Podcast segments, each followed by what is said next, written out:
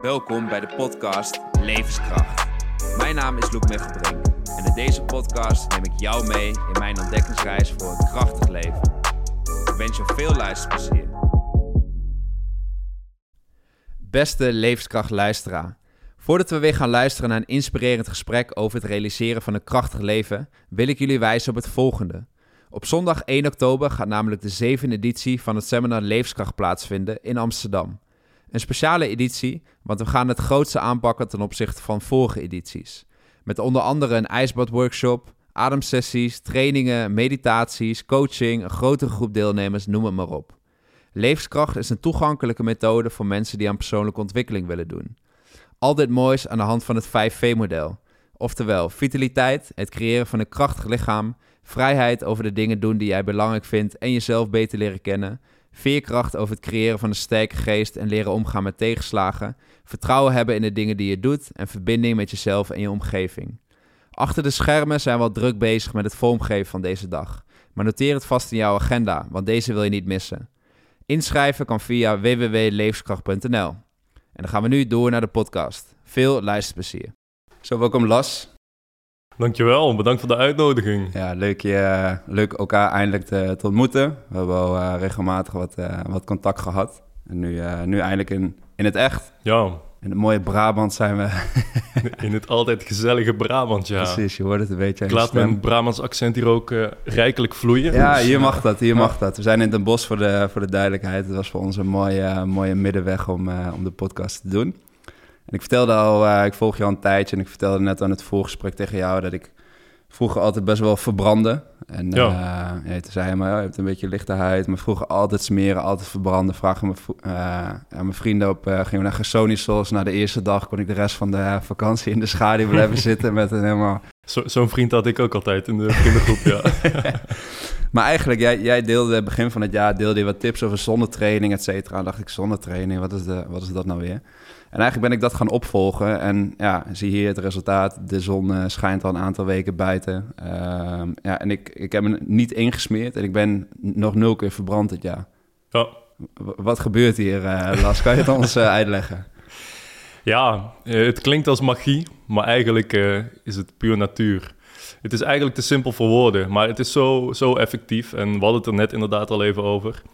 Um, en toen ik voor het eerst over zonnetraining uh, begon te delen, ik zal dadelijk nog even op ingaan wat het dan precies is, had ik niet gedacht dat ja, de effecten zo, zo groot zouden zijn. Of dat mensen er zoveel voordeel bij zouden hebben. Ik nou, ben zelf gewoon van Nederlandse komaf, maar ik word redelijk makkelijk bruin hier in het, uh, in het Nederlandse klimaat. Als ik dichter naar de Evenaar ga, dan uh, ja, heb ik ook een probleem. Tenzij ik heel goed zonnetrain. Um, maar ja, ik, ik had nooit echt probleem met verbranden of dat ik, uh, dat ik heel erg moest oppassen. Ik was puur geïnteresseerd in hoe kan ik mezelf meer blootstellen aan de zon om nou, al die energie en al die informatie uit uh, dat natuurlijke spectrum te halen. Nogmaals, ik kom daar zo even op terug uh, wat er allemaal uit te halen is.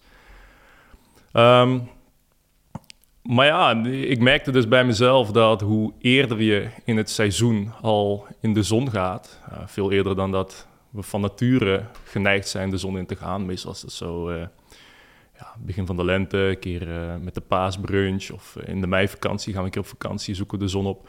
Maar ik begon dus veel eerder die zon in te gaan, echt in februari al, eind februari, begin maart. Nou, dan is het echt nog vrij koud buiten, maar die zon die begint al wel langzaam terug te keren. Die komt steeds wat hoger aan de hemel te staan, steeds ik even nadenken, steeds grotere hoek op de, op de aarde, steeds kleinere hoek op de aarde, excuus. Um, waardoor er steeds meer van dat spectrum, van dat zonlicht, door de atmosfeer van de aarde komt. Die zon wordt langzaam steeds intenser.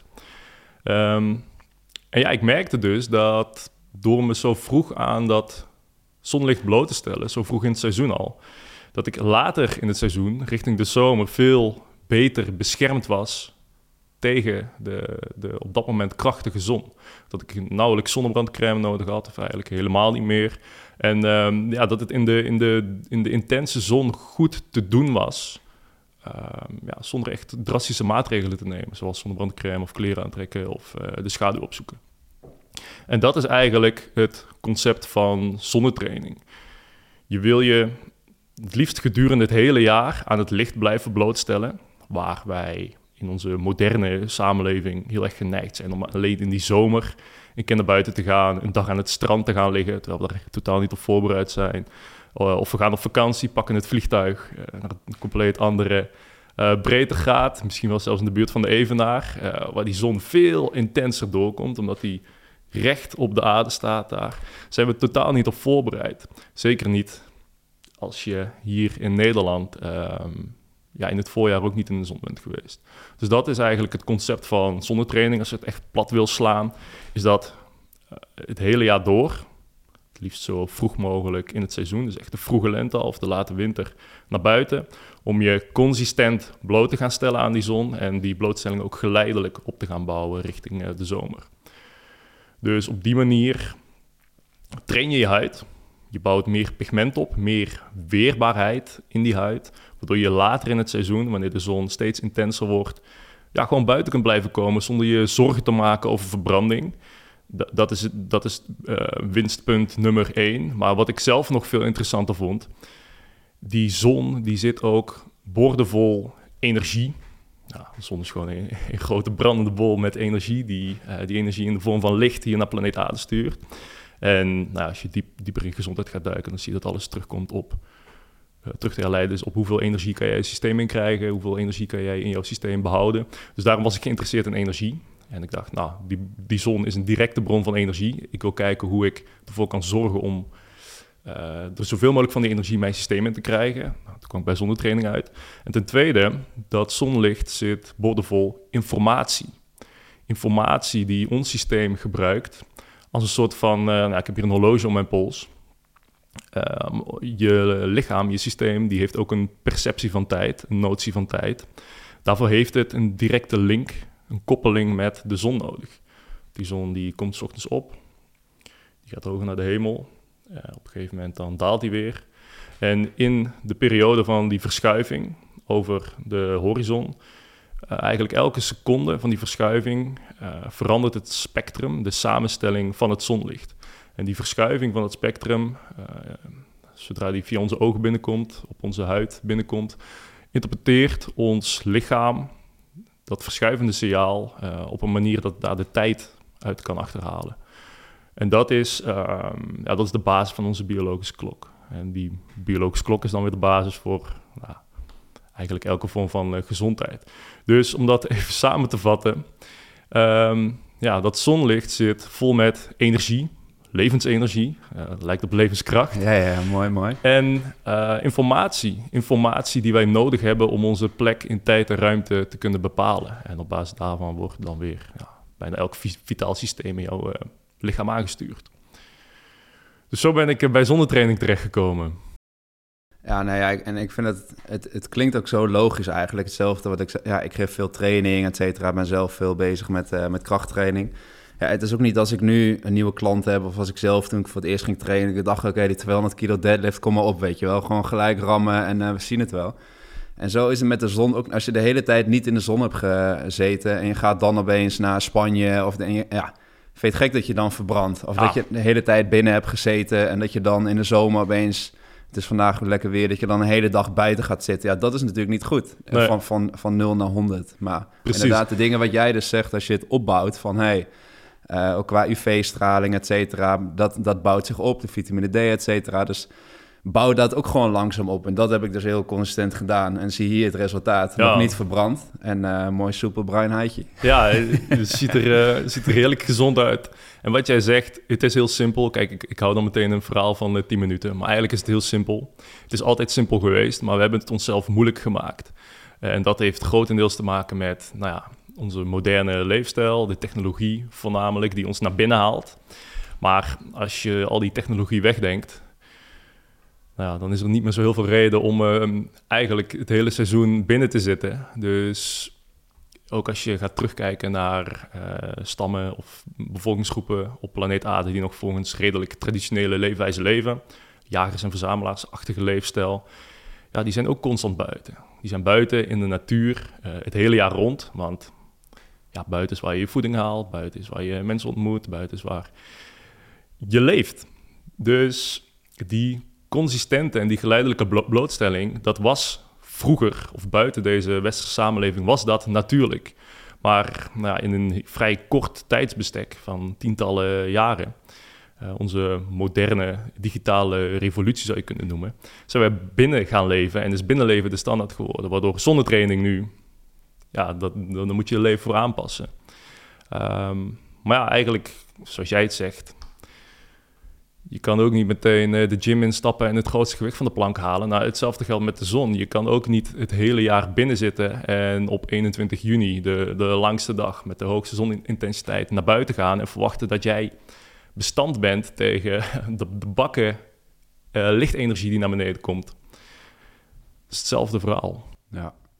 Ja, nee, dat, dat vind ik sowieso een rode draad. Ook de dingen waar jij mee bezig bent, maar wel meerdere mensen om omgeving die daarmee bezig zijn. En ik ben er zelf ook wel veel mee bezig. Maar hoe we vandaag de dag als mens zijn, eigenlijk steeds verder van de natuur afraken. Dat als we kijken naar bewegen, het buiten zijn, de dingen wat we eten, onze slaapkwaliteit, et cetera. Dat is eigenlijk heel tegendraads in wie we zijn als mens zijn. En dat we vandaag de dag echt bewuste keuzes moeten maken om van ja, ik ga, ik ga bewegen. Ik zorg dat ik uh, meegaan met het circadiaans ritme. Ik zorg dat ik voeding krijg wat de natuur mij biedt. Ik zorg dat ik veel buiten ben, et cetera. Maar dat zijn echt bewuste keuzes waar we vandaag de dag als moderne mens uh, mee bezig moeten gaan. Ja, ja en ik denk dat we heel vaak denken dat zoveel mogelijk keuzes hebben, dat dat een uh, luxe is. En in veel gevallen is dat ook een luxe. Maar zeker als je naar gezondheid gaat kijken en naar leefstijl, denk ik dat die keuzes het ons juist enorm moeilijk maken. Um, want ja, nogmaals, als je van nature gewend bent om in de natuur te leven en je blootstelt aan het natuurlijke dag-nachtritme, blootstelt aan natuurlijk licht, uh, alleen maar natuurlijke voeding kan vinden, uh, je moet ook nog een beetje bewegen voor die voeding, dan doe je automatisch al zoveel goed.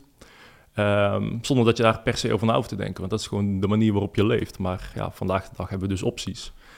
Dan heb je elke keer een beetje, een beetje mindpower nodig om de juiste keuze te maken. Nou, ja. dat... Um... Want ik zag, jij zegt, uh, uh, ontrafel de intelligentie van moeder natuur. Wat, wat, wat, leert moeder natuur ons? Wat kunnen wij van moeder natuur leren? Alles, denk ik. Uh, maar ja, als, je op het, als we het op het gebied van leefstijl, de voeding, gezondheid houden de natuur recht voor onze neus speelt zich, uh, speelt de moeder natuur ja, gewoon de volledige... Ze laat gewoon exact zien hoe het moet.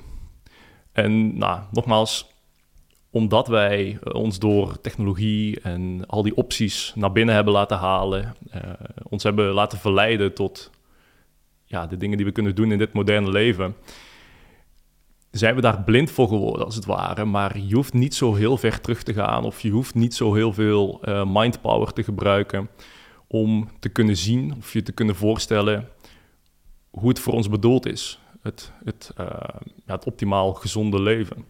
Want dat is gewoon ja, in connectie met de natuur. En dan met name die elementen die we net ook al noemden. Dag-nachtritme, extreem belangrijk, super fundamenteel onderdeel voor de aansturing van eh, elk vitaal systeem in jouw lichaam. Dat is iets wat we chronisch fout doen.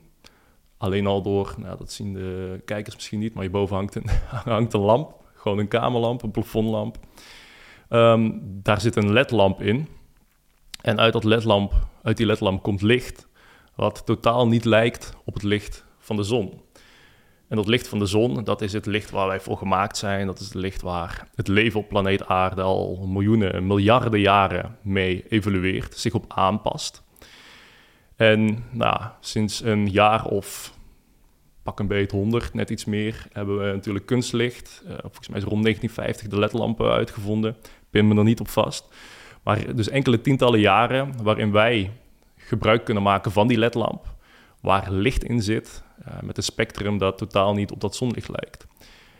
En dan denk je misschien van, ah, het is maar licht, het is maar licht. Uh, heel veel mensen vinden licht misschien wel iets abstracts. Het is ongrijpbaar, je kan licht niet vastpakken, net zoals die tafel die hier uh, voor ons staat. Maar het wil niet zeggen dat licht geen gigantische impact heeft op jouw systeem, op jouw gezondheid.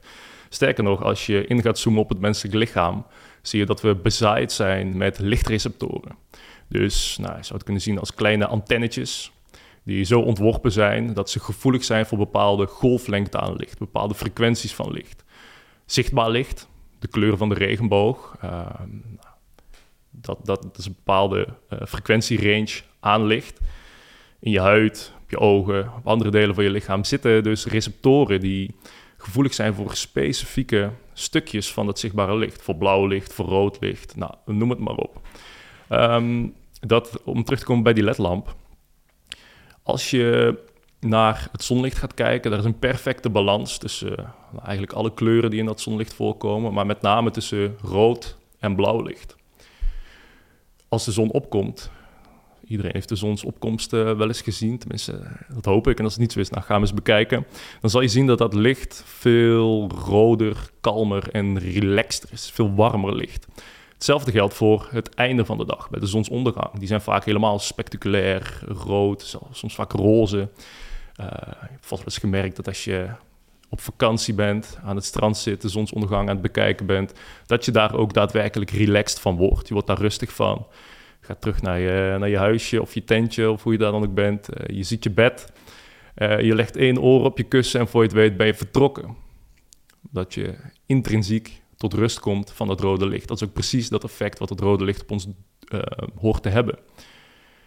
Op het midden van de dag, wanneer de zon hoog aan de hemel staat, hoog aan de atmosfeer staat, komt er veel meer blauw licht door ten opzichte van het rode licht. Dat blauwe licht heeft een neiging om ons alert te maken, uh, om ons bij de les te houden, om ons energie te geven. Dat is ook exact wat je wil overdag. Je wil overdag wil je goed na kunnen denken, uh, ja, je wil alert zijn, uh, je wil energie hebben om de dingen te doen die je overdag moet doen.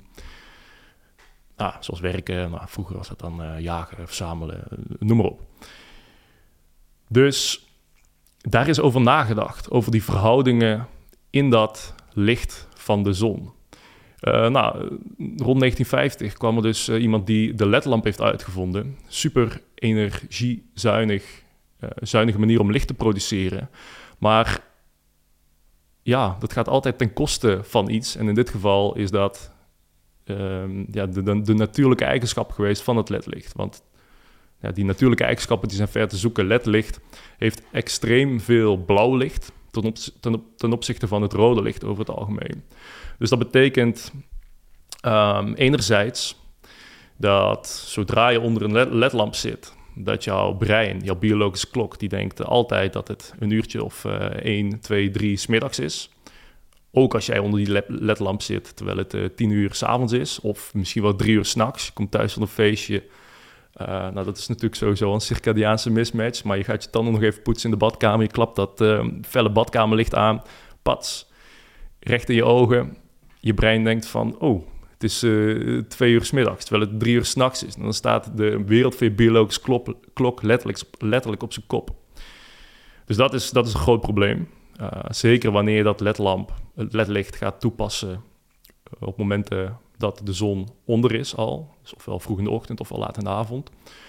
Het tweede punt is dat dat licht van die ledlampen zo extreem blauw is, ja, dat ons systeem dat eigenlijk niet begrijpt, met name onze ogen. Uh, blauw licht zit vrij dicht tegen UV aan, dus dat heeft een hoge frequentie. Licht met een hoge frequentie draagt ook veel energie. Dus als je je veel blootstelt aan dat ledlicht, zonder compensatie van natuurlijk daglicht van buiten. Ja, dan, um, dan heb je gewoon een overload aan energie, lichtenergie en ook een compleet verkeerde, onnatuurlijke uh, informatie, lichtinformatie die, die je systeem ingaat. Dus ja, dat, uh, dat is zeker een, een probleem. En hoe denk je dan, want je hebt het ook over die biologische klok. Misschien zou je daar iets meer toelichting op kunnen geven? Van mensen denken, is dat een, uh, is dat een horloge van hout? Of, uh...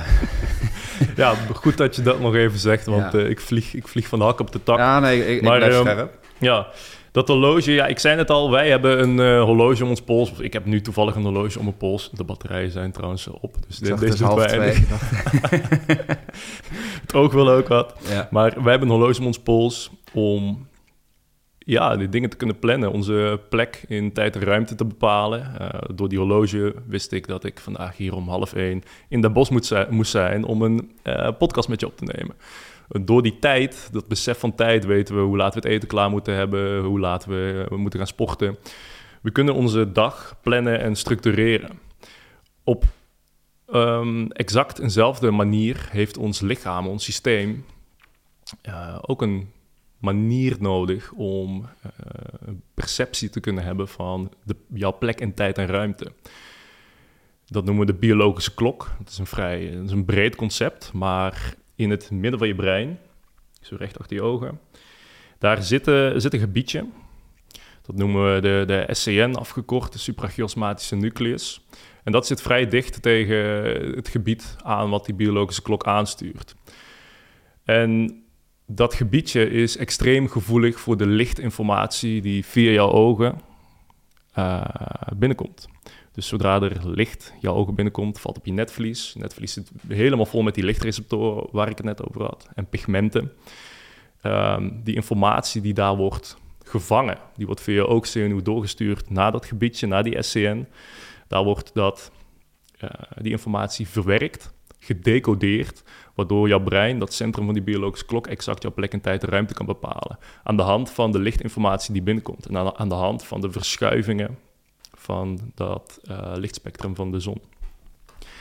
En vanuit dat centrum in jouw brein, die biologische klok, uh, ja, van, van boven naar beneden, dus downstream, ja, worden al je organen aangestuurd, worden al jouw vitale systemen aangestuurd.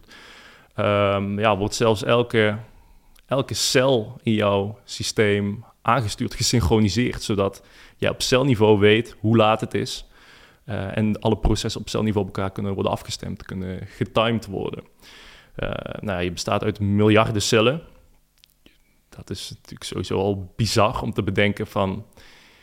Ja, in principe zijn dat allemaal afzonderlijke fabriekjes, zou je kunnen zeggen. Maar toch, in de meeste mensen werken die extreem goed samen. Hoe kan dat?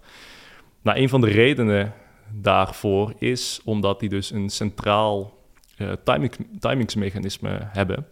Wat ze niet alleen, een, uh, niet alleen op individuele schaal een besef geeft van tijd en ruimte, maar ook die cellen nog eens exact op elkaar afstemt, zodat ze goed samen kunnen werken. Dus dat is wat die biologische klok doet. Die biologische klok zit ook uh, direct tegen je hormonale aansturingscentrum aan, je hypothalamus. Dus vandaar dat licht, het licht waar jij je aan blootstelt via je ogen, zo'n gigantische impact heeft op jouw hormoonhuishouding. Het is verantwoordelijk voor nou, bijna elke hormoon wat uh, door jouw systeem stroomt. Je geslachtshormonen, dus denk aan testosteron, oestrogeen, pro progesteron. Maar ook je stresshormonen, cortisol, adrenaline. Maar ook neurotransmitters, denk aan serotonine, dopamine. Dus ja, nogmaals, eigenlijk wordt bijna elk proces wat je kan bedenken, elk vitaal proces in jouw systeem, wordt gecoördineerd door die biologische klok. En daarom is het zo belangrijk dat je de juiste, de natuurlijke lichtprikkels aan die biologische klok geeft. Want, nou ja, uh, laten we zeggen dat het uh, acht uur s avonds is. Als je dan nou buiten bent, dan zie je een zon die laag aan de hemel staat. Die wordt dus al wat roder, wat warmer, wat relaxter krijg je dat licht in je ogen, dan beseft jouw biologische klok en daarmee de rest van je systeem van, ah oké, het is uh, avond, het is tijd om ons klaar te gaan maken voor de nachtrust. Uh, nou, die gaat wat meer van die uh, actieve modus naar een relaxte modus, zodat je goed kan slapen. Je melatonineproductie komt misschien wel een klein beetje op gang. Dat is dus het slaaphormoon of het hormoon wat ervoor gaat zorgen dat jij ja, diep, diepe herstel en heling kan ervaren in de nacht.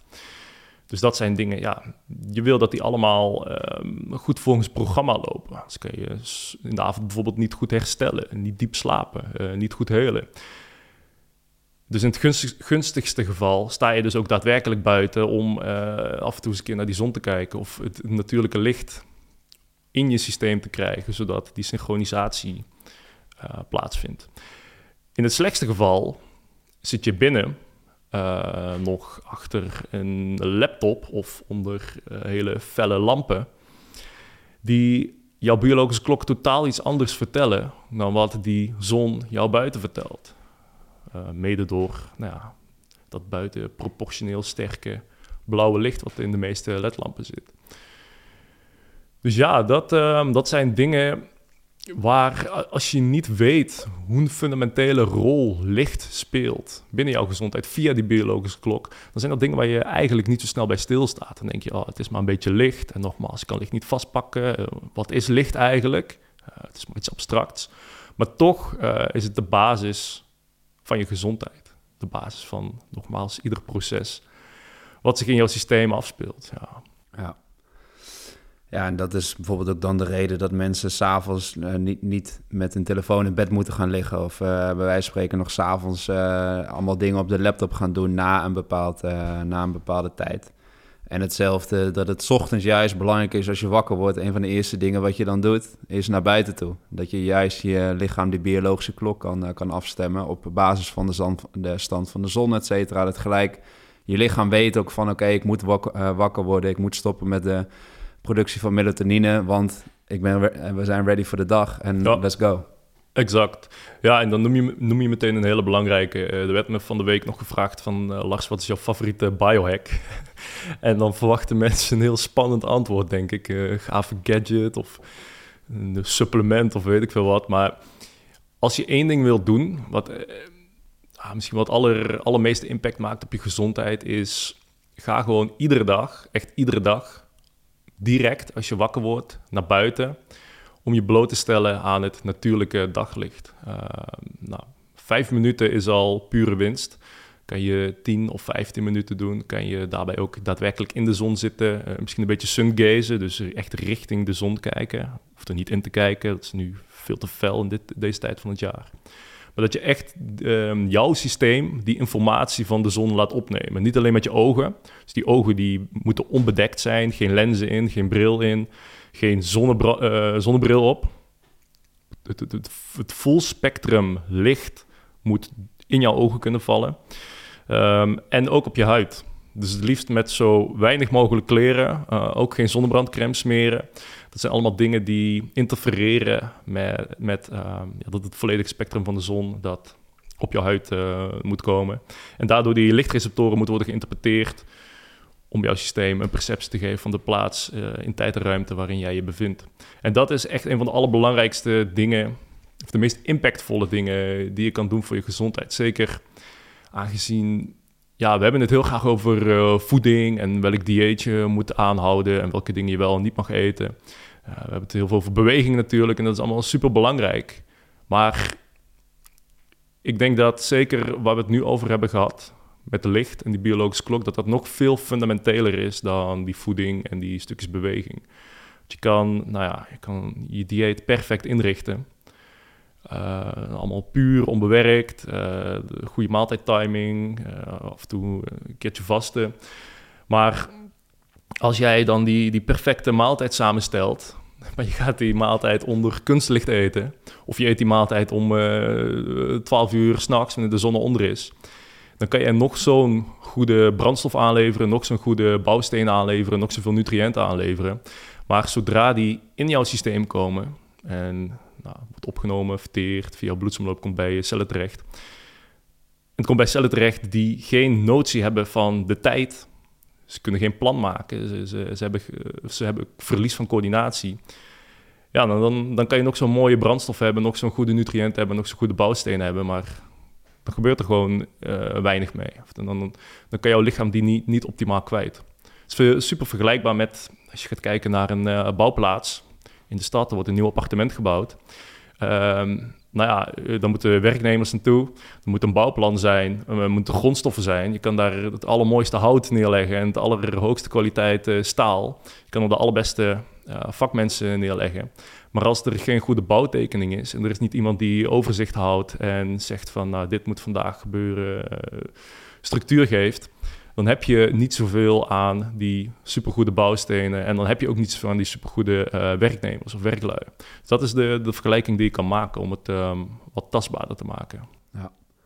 Nou ja, daarom vind ik ook zo leuk dat we nu het gesprek hebben voor de podcast Levenskracht. Want we hebben hier verschillende voedingsdeskundigen, trainers, coaches, psychologen, et cetera. Alles hebben we hebben we hier gehad. Maar jij ligt toch, ja, belicht letterlijk, mooie woordspraak. Ja, ja, nee, maar ander, een ander spectrum. Dingen waar mensen wellicht niet over nadenken. Over de zon, over inderdaad het verschil tussen dag en nacht. En, en dat vind ik juist heel interessant. En dat is voor mij dus ook als je kijkt naar de piramide van belang, zijn het eigenlijk dingen wat, wat ik misschien in eerste instantie dacht van, oh, dit staat ergens boven in de piramide, et cetera. Maar hoe meer ik ermee bezig ben, hoe meer ik het zelf ervaar, hoe meer ik het overbreng richting klanten, dat het eigenlijk steeds lager op de piramide komt te staan, dat het gewoon super belangrijk is. Dat het belangrijk is van s ochtends gelijk naar buiten. Uh, de zon is een enorme belangrijke energiebron, die dus ook dat, die biologische klok uh, goed kan afstellen. Uh, het voornamelijk eten als de zon op is, dus niet meer een, een kunstlicht, et cetera, dat soort dingen. Ja, ik heb dat echt onderschat en ik ben de afgelopen jaren dus heel veel mee bezig geweest. Nou, ook dankzij jou en onze andere grote vriend uh, Joep Rovers. en ik, ja, ik merkte gewoon zoveel, uh, zoveel profijt van. Dus ja, ik vind, ik vind het heel leuk dat je deze dingen uh, deelt. En, maar ik hoor nu al wel de luisteraar denken... Ja, hoe weet ik dan nu of mijn eigen biologische klok goed staat? Ja, dat is niet wat, iets wat je even kan vragen. Um, dat vind ik ook altijd wel een lastige vraag om te beantwoorden. Want nou, ik ben er al een tijd mee bezig en voor mij is dat heel intuïtief geworden. Maar ik denk een van de uh, meest grijpbare dingen waar je het aan kan merken is je, je slaap. is gewoon je slaap. Dus ook die nachtrust die loopt volgens een, een biologisch programma. Een dag-nachtritme, natuurlijk dag-nachtritme. Wanneer die zon ondergaat dan is er van nature een gebrek aan licht. Dus er is letterlijk geen of nauwelijks licht meer. Uh, nou, hoogstens nog een, een eh, vuurtje, wat heel rood, warm licht is. Uh, nou, tegenwoordig hebben we dan die ledlampen, maar die moeten we dan even wegdenken om in het natuurlijke perspectief te denken. Dus ja, als het goed is, word je in de avond, dus na die zonsondergang, vanzelf moe. Uh, krijg je behoefte aan je bedje, wil je gaan slapen.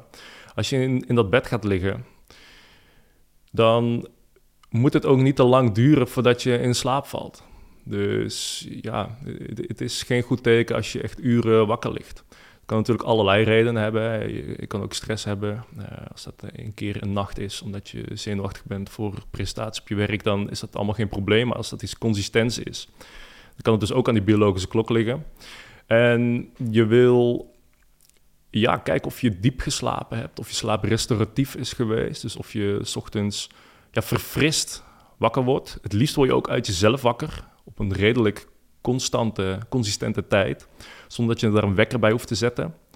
Uh, nou, dat is dus voor heel veel mensen ook al moeilijk die een, een baan hebben waarbij ze op een vaste tijd op hun werk aanwezig uh, moeten zijn. Maar nu in de zomer, richting uh, de langste dag, wordt het dus ook al vrij vroeg licht dat licht worden, dat is ook een teken aan jouw systeem uh, ja, dat van nature wakker zou moeten worden. Dus dat zijn dingen waar je mee kunt gaan experimenteren. Probeer die uh, bedtijd zo constant mogelijk te hebben. Probeer eens te gaan kijken of je uit jezelf wakker kunt worden, zonder dat je daar echt een, uh, een wekker bij nodig hebt. Misschien zal je merken dat de eerste keren ja, dat je eh, misschien wel tien uur slaapt of elf uur slaapt. Het kan ook een, een slaaptekort zijn. Uh, het kan ook een teken zijn dat je veel te veel stress eh, op je hals haalt. Of misschien heb je een keer een hele zware workout gehad. Dan kan dat allemaal. Maar ja, je wil daar ook consistentie in krijgen. Dus die bedtijd, het moment dat je wakker wordt. En ook het gevoel wat je hebt op het moment dat je wakker wordt. Want daar begint het aansturen van jouw systeem via die biologische klok eigenlijk al die biologische klok regelt ook het moment dat jij wakker wordt. Dus uh, nou, onder andere dus je melatonine gaat uh, dalen en je, je cortisol en je stresshormonen die gaan een klein beetje omhoog. Waardoor er energie vrijkomt in je systeem uh, om die dag te gaan beginnen. Waardoor je uit jezelf wakker wordt en waardoor je geen grote moeite moet hebben om jouw bed uit te kruipen. Want als ik een paar jaar terug denk, in mijn studententijd dan had ik dit ook allemaal niet op orde. En oh, ik kon mijn wekker altijd wel uh, door het raam gooien als die afging. Want ik dacht van, nou, ik, ik, ik zou een uh, morgen doen om nou nog een uurtje te kunnen blijven liggen. Maar dat is iets, zodra je eraan gaat sleutelen, aan het uh, synchroniseren van die biologische klok en helemaal aan de slag gaat met je slaap, dan zal je merken dat dat steeds minder wordt. nou, totdat je op een gegeven moment op een punt aankomt dat je wakker wordt, dat je denkt van, oh, lekker geslapen. Misschien herinner je nog wat uh, dromen. Uh, ja, je staat op en je begint aan je dag zonder dat je een dikke espresso of koffie nodig hebt. Want ja, het functioneert gewoon meteen allemaal. Ehm, dus ja, dat is een mooie om mee te gaan beginnen. Dat is ook iets vrij tastbaars. En dat is echt iets waar, waar je aan kunt gaan peilen of je op het juiste pad bent met die biologische klok. Ja. En ik vind ook, de, het is tegenwoordig, hebben we ook zoveel ehm, vrede mee dat bepaalde dingen maar gebeuren gedurende de dag. Het is niet normaal als jij meerdere keren per dag een energievrak bent en dat je denkt, ik heb die espresso nodig. Het is niet normaal als je wakker wordt en je hebt uh, het gevoel dat je echt uh, hele lichaam voelt stijf en bent overreden door een uh, vrachtwagen bij wijze van spreken. Het, het, is niet normaal als je s'nachts meerdere keren of überhaupt natuurlijk kan de een keer voorvallen, maar meer, meer dan twee keer wakker wordt überhaupt eigenlijk niet. Dat is ook nog goed inderdaad. Ja, maar dat soort dingen is niet normaal. Maar we zijn dat als, als normaal gaan zien. Van, oh ja, ik heb nu een inzinking. Oh ja, ik, ik neem even een espresso of een Red Bulletje, et cetera. En we gaan weer door. Ja, dat zijn allemaal tekenen die, waar je iets mee moet. En wat ik veel klanten die ik zelf ook begeleid, die dan, ah, nee, maar dat valt wel mee, et cetera. Nee, het valt niet mee. Het is gewoon echt super slecht waar je mee bezig bent. En dat is niet hoe wij als mens gemaakt zijn. Je wil, ik stel ook, vraag, ik stel ook uh, vaak de vraag aan mensen van, oké, hoe, hoe word je wakker? Nou, vertel eens, hoe, hoe word je wakker en hoe val je in slaap? Die twee simpele vragen, nu ook voor de luisteraar zelf. Als je kijkt naar de dag vanochtend, hoe, hoe ben je wakker geworden? Had je zin in de dag? Dacht je van, was je gelijk wakker? Wellicht wat jij zegt, was je voor de wekker wakker? Uh, dus dat is één belangrijk. En hoe val je in slaap? Als je in je bedje gaat liggen, ja, uh, eigenlijk, je hebt we hebben allebei die aura-ring om. Dat eigenlijk wil je binnen een paar minuten gewoon dat, het, uh, dat dan de nachtrust begint. En niet dat je dan nog, nog, nog lang zit te malen, et cetera. En het kan door veel verschillende dingen komen. Maar zo'n biologische klok is gewoon een enorm belangrijk, uh, ja, belangrijk iets daarin. En uh, ja, wat ik, wat ik hiermee wil zeggen is dat als mensen die signalen bij zichzelf opdoen, ga daarmee aan de slag. Dus ga kijken van oké, de tips wat jij ook geeft hoe kan ik die biologische klok uh, beter afstellen? Nou, uh, zonlicht, uh, het, het, overdag eten, de, het natuurlijke licht, blokken, et cetera. Dus dat zijn dingen waar mensen serieus mee aan de slag moeten. Dat je daar echt de, de benefits van gaat zien. Ja. ja, en het lijkt soms te simpel voor woorden om uh, nou, in de ochtend even naar buiten te gaan, waar we het net al over hadden, om uh, ja, je systeem te synchroniseren ja. met dat daglicht. Maar dat was dus precies voor mij die zonnetraining eigenlijk. Dat ik dacht van nu, maar hoezo, ik ben, hoezo heb ik hier nog nooit over nagedacht, weet je Het is gewoon heel simpel, maar dat, ja, ja. Ga, het, het is simpel, maar niet altijd makkelijk.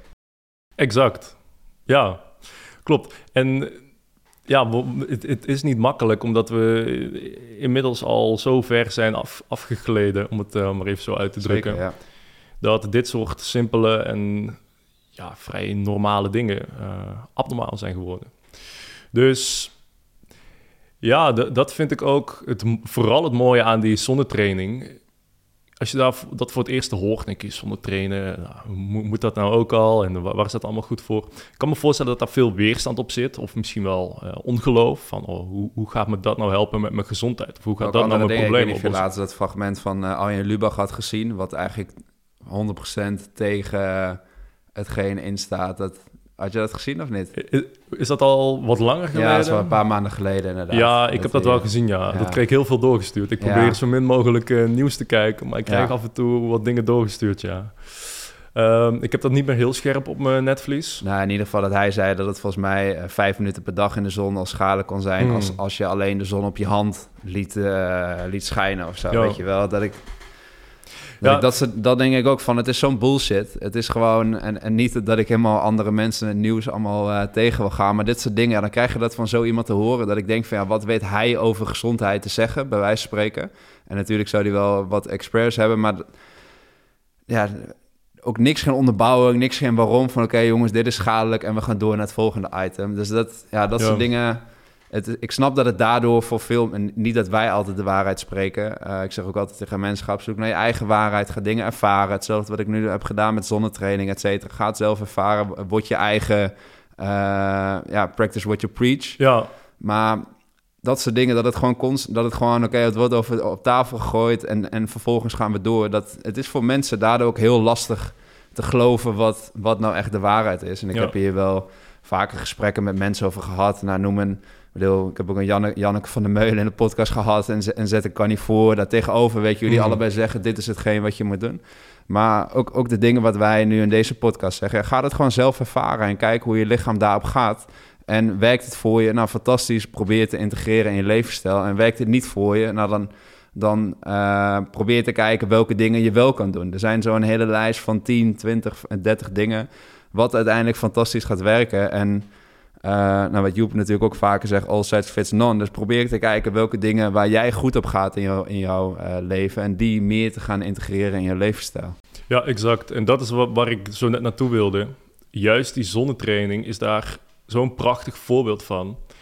Dat je met iets heel simpels, iets heel natuurlijks, maar wat wel ver van ons bedje afstaat in deze toestand, dat je daar zoveel resultaat mee kan behalen. Want ja, jij, noemde net al dat voorbeeld eh, dat je eigenlijk ook niet meer verbrandt. Maar ja, je ziet gewoon dat als je je consistent wat meer gaat blootstellen aan die natuurlijke prikkels, de elementen van de natuur zeg ik altijd, waar licht dan een hele belangrijke van is, dan gaat die natuur jou zelf laten zien dat jij op het goede pad zit. Of niet. Als je te snel gaat zonder trainen, dan verbrand je of dan wordt je huid droog. Dus ik denk dat dat, dat, dat eigenlijk de kern is van ga zelf experimenteren, ga zelf dingen proberen. Want ja, dat, dat zijn we gewoon enorm verloren. We, we laten ons door nou, mensen die dan gestudeerd hebben of mensen die dan een bepaald aanzien hebben, laten ons vertellen hoe, hoe de wereld in elkaar steekt. En ergens begrijp ik dat wel. Uh, maar ik denk dat er ook juist superveel kracht vanuit gaat als jij zelf met dingen gaat experimenteren, als je zelf dingen gaat uitproberen. Zeker als het gaat om leefstijl en voeding en al die, al die natuurlijke aspecten. Want nou, om terug te komen uh, op jouw eerste vraag van... Um, uh, jij, jij, vroeg zoiets van, wat, wat, um, wat, wat, is de natuur of zo? Of, uh, nou, ja, wat wij, de, wat wij kunnen leren van moeder ja, natuur. Ja. Nou, alles. Um, dat, dat, was mijn antwoord, alles. Ja. Uh, ook dit, dus die, zodra jij aan de slag gaat met een, een, een aspect van die herverbinding met de natuur, dan gaat die natuur jouw guide worden in dat proces. En die gaat je allerlei tekenen geven, allerlei signalen geven of je, of je op het goede pad zit. Of, of jij een beetje moet bijsturen. En dan heb je geen arts meer nodig of een dokter of nou, misschien wel acute gevallen, maar niet, niet om jou te vertellen hoe, hoe jij gewoon basic gezond moet zijn. Heb je ook geen mensen nodig zoals ik. Want je kan gewoon rechtstreeks van de natuur leren. De natuur die, die geeft je alle informatie die je nodig hebt. Maar je moet wel zelf op, op zoek gaan. Je moet een onderzoekende mindset hebben. Je moet goed observeren. En je moet, je moet er wel, je moet wel mee aan de slag gaan. Je moet in, in actie komen. En zonnetraining is daar een super mooie instap voor, omdat het gewoon, nou, de zon is er altijd, de licht is er altijd, iedereen kan ermee beginnen, iedereen heeft toegang tot. Uh, het is gratis, zoals het trouwens met bijna alle elementen van de natuur. Uh, maar op die manier kan je echt ja, super toegankelijk gaan ervaren hoe die natuur jou stuurt, jou wil sturen richting gezondheid. En dan komt de rest vanzelf wel. Uh, dan kan je een keer in voeding gaan duiken, dan kan je een keer in weet ik veel, andere vormen van uh, lichtstraling uh, gaan duiken. Dan kan je in de winter bijvoorbeeld een keer gaan koude trainen. En zo moet dat balletje gaan rollen. En tegelijkertijd kan dat ook die vonk zijn die weer een beetje die, ja, die neiging naar zelfontdekking uh, triggert. En als je op dat pad zit, dan ja, dat, dat is goud. Want ja, mijn ervaring leert dat zodra, dat zodra je dat pad inslaat, dan ben je gewoon gefascineerd voor het leven. Uh, dat is ten eerste een super mooi proces, super uh, vermakelijk proces. Maar ten tweede ja, groei je daar zelf ook door. En krijg, krijg je dus controle over je gezondheid, krijg je controle over je moed, krijg je controle over je, je sociale kring, krijg je controle over al die verschillende uh, persoonlijke ontwikkelingsaspecten van het leven. Ja. Nou ja, zeker. En ik had hier vanochtend nog een gesprek met iemand over. En ik zal voor de rest geen namen noemen of dingen. Maar nou, in geval wel benieuwd. Ja, in ieder geval waar me dit aan doet denken is dat uh, een, deze vrouw vertelde, vertelde tegen mij, zij kent iemand en die is KNO-arts. En nou, die ze werkt in het ziekenhuis en heeft 10 minuten per, per persoon, per patiënt. En die man, die KNO-arts, zei dus tegen haar best wel denigerend van ja, eigenlijk gewoon 95% van de, van de mensen die bij mij komt, die heeft dan is voor de KNO, dat is, dat is een symptoom, maar er ligt eigenlijk gewoon een hele andere klacht ligt eronder. En dat was voor mij ook weer zo'n trigger van als de arts zelf dat zegt. En dit, dit is voor mij, volgens mij heb je ook medicijnen gestudeerd. Ja, de bachelor heb ik gedaan. Ja, ja maar dat, dat voor mij ook zo'n weer typerend voorbeeld was. Dat een, als een arts dat zelf zegt, weet je wel. Van ja, oké, nou hier heb je een pilletje, heb je geen last meer van je, uh, van je neus of van je, van je ogen of wat dan ook. Maar dat, dat hij zelf ook zegt, ik heb maar 10 minuten voor zo'n, voor zo'n patiënt. Oké, nou hier heb je een pilletje en dan heb je heel even die symptoombestrijding. Maar waar ik ook wel vaak, wat ik dan tegen klanten vraag, als je nu een bepaalde klacht hebt of iets, als je nu echt eerlijk bent tegen jezelf, wat zou je lichaam je eigenlijk hiermee willen vertellen? Ja. En die klachten zijn vaak de uh, symptomen van hetgeen wat eronder ligt. En hetzelfde, de dingen wat jij noemt, wat je ergens preventief mee aan de slag gaat. Ja, dat is, dat is enorm belangrijk om daar uiteindelijk zelf, uh, zelf verantwoordelijkheid in te nemen. Dat je zelf verantwoordelijk bent voor je eigen proces daarin. En dus ook de keuzes, wat je eerder zei, zelf verantwoordelijk bent voor de keuzes die je daarin maakt. Want vervolgens sturen krijg je op een klachtenbeeld. Nou, dan word je van kastje naar de muur gestuurd, kom je het ziekenhuis, krijg je het uh, vervolgens een, een, een, pilletje voor dingen. Maar uiteindelijk als dit soort dingen, en als we het hebben over levenskracht, van ja, als je gewoon preventief met dit soort dingen aan de slag gaat, dan is die kans op, op een ziektebeeld of andere dingen is, is gewoon veel minder. Ja, en ik denk dat dat belangrijk is om mee te geven. Want vanuit, vanuit deze hoek, noem ik dan even, wordt er nou, heel veel uh, neergepraat op de, ja, de westerse moderne geneeskunde. En ik denk dat die, die, die, geneeskunde of die, die vorm van bezig zijn met ziekte en gezondheid, die mag best bestaan. Maar ik denk dat, dat, dat er wel moet worden duidelijk gemaakt dat, ja, dat, dat maar één bepaald aspect is, of een bepaalde denkwijze is waar uh, mee gehandeld wordt. Dus als je naar een huisarts gaat of als je naar een uh, ziekenhuis gaat, dan is het belangrijk om te weten dat de mensen die daar werken, die bij die huisartsenpraktijk werken of bij, die, uh, bij dat ziekenhuis werken, dat die zijn opgeleid via bepaalde protocollen uh, waarin ze werken met medicatie op basis van een symptomenpakket. En het gevolg daarvan is, zeker als mensen maar 10 minuten hebben om je te spreken, dat er geen ruimte is om te kijken naar de kern van het probleem. En dat er geen ruimte is om het te hebben over leefstijl. Dat er geen ruimte is om het te hebben over preventie van uh, ja, wat als dit, probleem in de toekomst voorkomt. En nu wordt uh, de arts, het ziekenhuis, de, de huisarts, wordt gezien als de gouden standaard. Maar nou ja, jij en ik weten dat er inmiddels veel meer opties zijn. Uh, de orthomoleculaire artsen of nou, noem ze allemaal maar op. Uh, fysiotherapeuten, acupuncturisten, ja, al alternatieve geneeswijzen. Ja. Die veel meer de tijd hebben uh, en veel meer opgeleid zijn om naar al die andere aspecten van jouw problemen te kijken. En vaak veel een aantal lagen dieper te gaan. Te kijken waar de kern van het probleem ligt. En jou eventueel zelfs nog tips of adviezen te geven over hoe je het, in, uh, terugkomen van die problemen in de toekomst kan voorkomen. Dus daarmee wil ik niet zeggen dat die, um, die, die, die, die huisarts of dat ziekenhuis of die westerse moderne geneeskunde, noem ik het maar even, dat die per definitie slecht is. Maar het moet veel duidelijker gemaakt worden dat die ook maar volgens een bepaalde visie te werk gaan. Met een bepaald achterliggend uh, idee en met bepaalde belangen natuurlijk ook, laten we heel eerlijk zijn. Uh, en aan de andere kant dat er ook veel meer opties zijn en dat die opties niet per definitie kwakzalvrij zijn of uh, nou ja, wel, welke labels uh, krijgt het allemaal? Dat gewoon een andere kijk is op het oplossen van problemen. En ik denk dat als dat duidelijker wordt, dat mensen zich ook veel vrijer gaan voelen om eens te gaan kijken van, nou, welke manier van probleem oplossen uh, past bij mij? Heb ik echt zin om die spiegel voor te krijgen, te gaan kijken wat ik consistent anders kan gaan doen om te zorgen dat ik daadwerkelijk heel, daadwerkelijk beter word? Of zeg ik van, nou, het maakt me allemaal niet zoveel uit. Doe mij maar uh, medicatie of een behandeling. En dan, nou ja, dan zie ik wel uh, waar het op uitdraait. Kijk, dat, dat moet ook kunnen, vind ik. Ik zou het niet uh, toejuichen.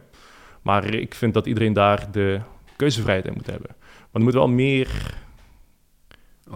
ja, meer openheid. Informed consent, zou ja, ik nee, zeker. zeggen. En ik, ik was ook een boek van Dr. Juriaan, ik weet niet of je hem kent, aan het lezen van Klacht naar Kans. Ja. ik vind zijn benadering wel heel mooi. Hij is zelf huisarts. Zijn vader heeft een, had een huisartsenpraktijk en dus heel veel ervaring binnen de huisartsenpraktijk. Hij is eigenlijk, je, je, hij kijkt dus vanuit ehm, vier verschillende stappen uit mijn hoofd, vier, vijf verschillende stappen. Dus de eerste stap is van oké, je hebt iets, kunnen we het wel met de acute geneeskunde, kunnen we dat oplossen? Dus bijvoorbeeld je hebt je kruisbanden gescheurd, nou wil je een operatie, ja of nee? Dus de, de, geneeskunde doet echt wel fantastische dingen daarin, dat uh, zeker weten. Ze, ze kunnen heel veel dingen goed. Ehm, maar als dat niet een oplossing zou kunnen zijn, dan kijkt hij van oké, kunnen we door middel van bewegen of door middel van training zouden een oplossing kunnen geven. Nou, de, de derde stap uh, is voeding. En de vierde stap, wat hij zegt, wat eigenlijk 95% van de mensen die dus bij, zijn huisartsenpraktijk uh, binnenkomen, stelde hij de vraag van oké, nou we hebben deze stappen er lopen, we hebben nog niet tegen een antwoord. Als je nu echt eerlijk bent tegen jezelf, wat, wat zou je lichaam dan hiermee willen vertellen met deze klacht? En hij zegt 95% van de tijd, als mensen echt diep bij zichzelf gaan voelen en, en de middel van gespreksvoering of coachende vragen daar een diepere laag in kan aantikken, weet eigenlijk 95% van de mensen weet heel goed wat hun lichaam hun zou willen vertellen. En dat kan mee te maken hebben met te veel werkstress, het, is een tijd te slecht voor jezelf gezorgd. Uh, nou, noem het maar op, ook de, de facetten wat jij aanhaalt.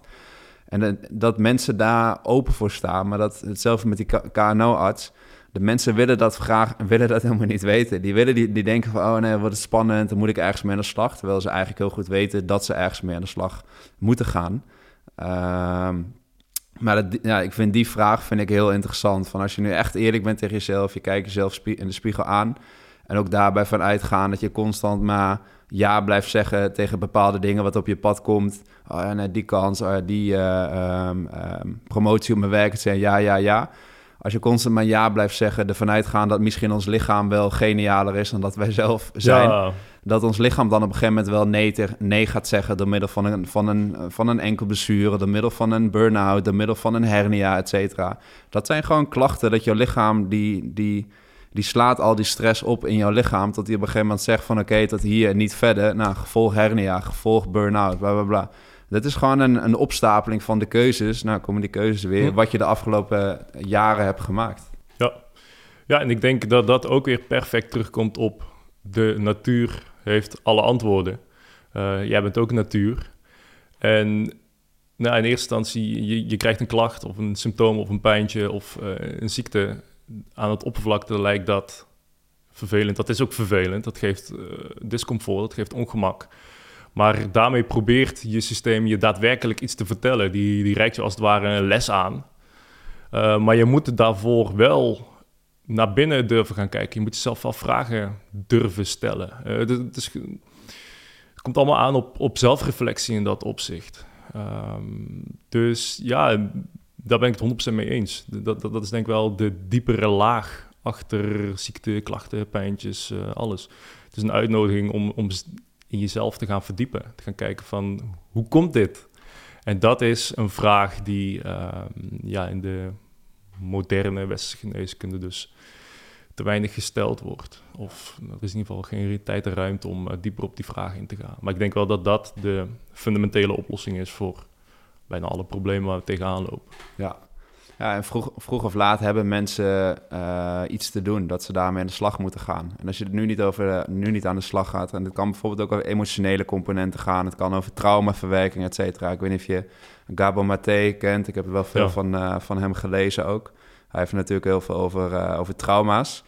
Maar dat, en, en het, de, het, gevolg van, over de, eigenlijk ja, het gevolg van trauma's op jouw leven, dat je vroeg of laat die vraag van... oké, wat zou mijn lichaam eigenlijk willen vertellen... dat je er vroeg of laat moet je daarmee aan de slag. En als je er nu niet mee aan de slag gaat... dan komt hij over vijf jaar terug... dan komt hij over tien jaar terug... dan komt hij over twintig jaar terug. Maar het is een keer...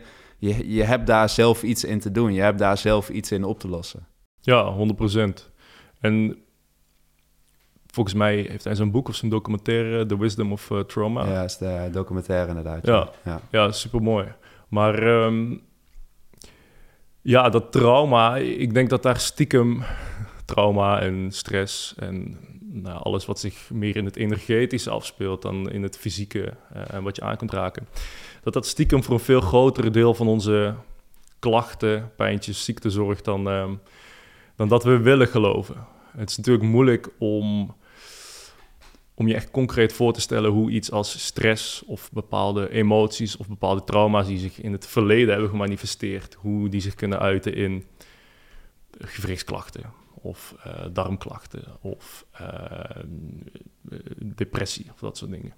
Maar ik denk dat als je echt alles gaat herleiden, ja, dat je daar angstig vaak op terugkomt. Op een trauma of iets wat zich meer een probleem of een, een disbalans wat zich meer in, in het energetische veld afspeelt, dan uh, ja, in het daadwerkelijk iets fysieks. Ja. ja.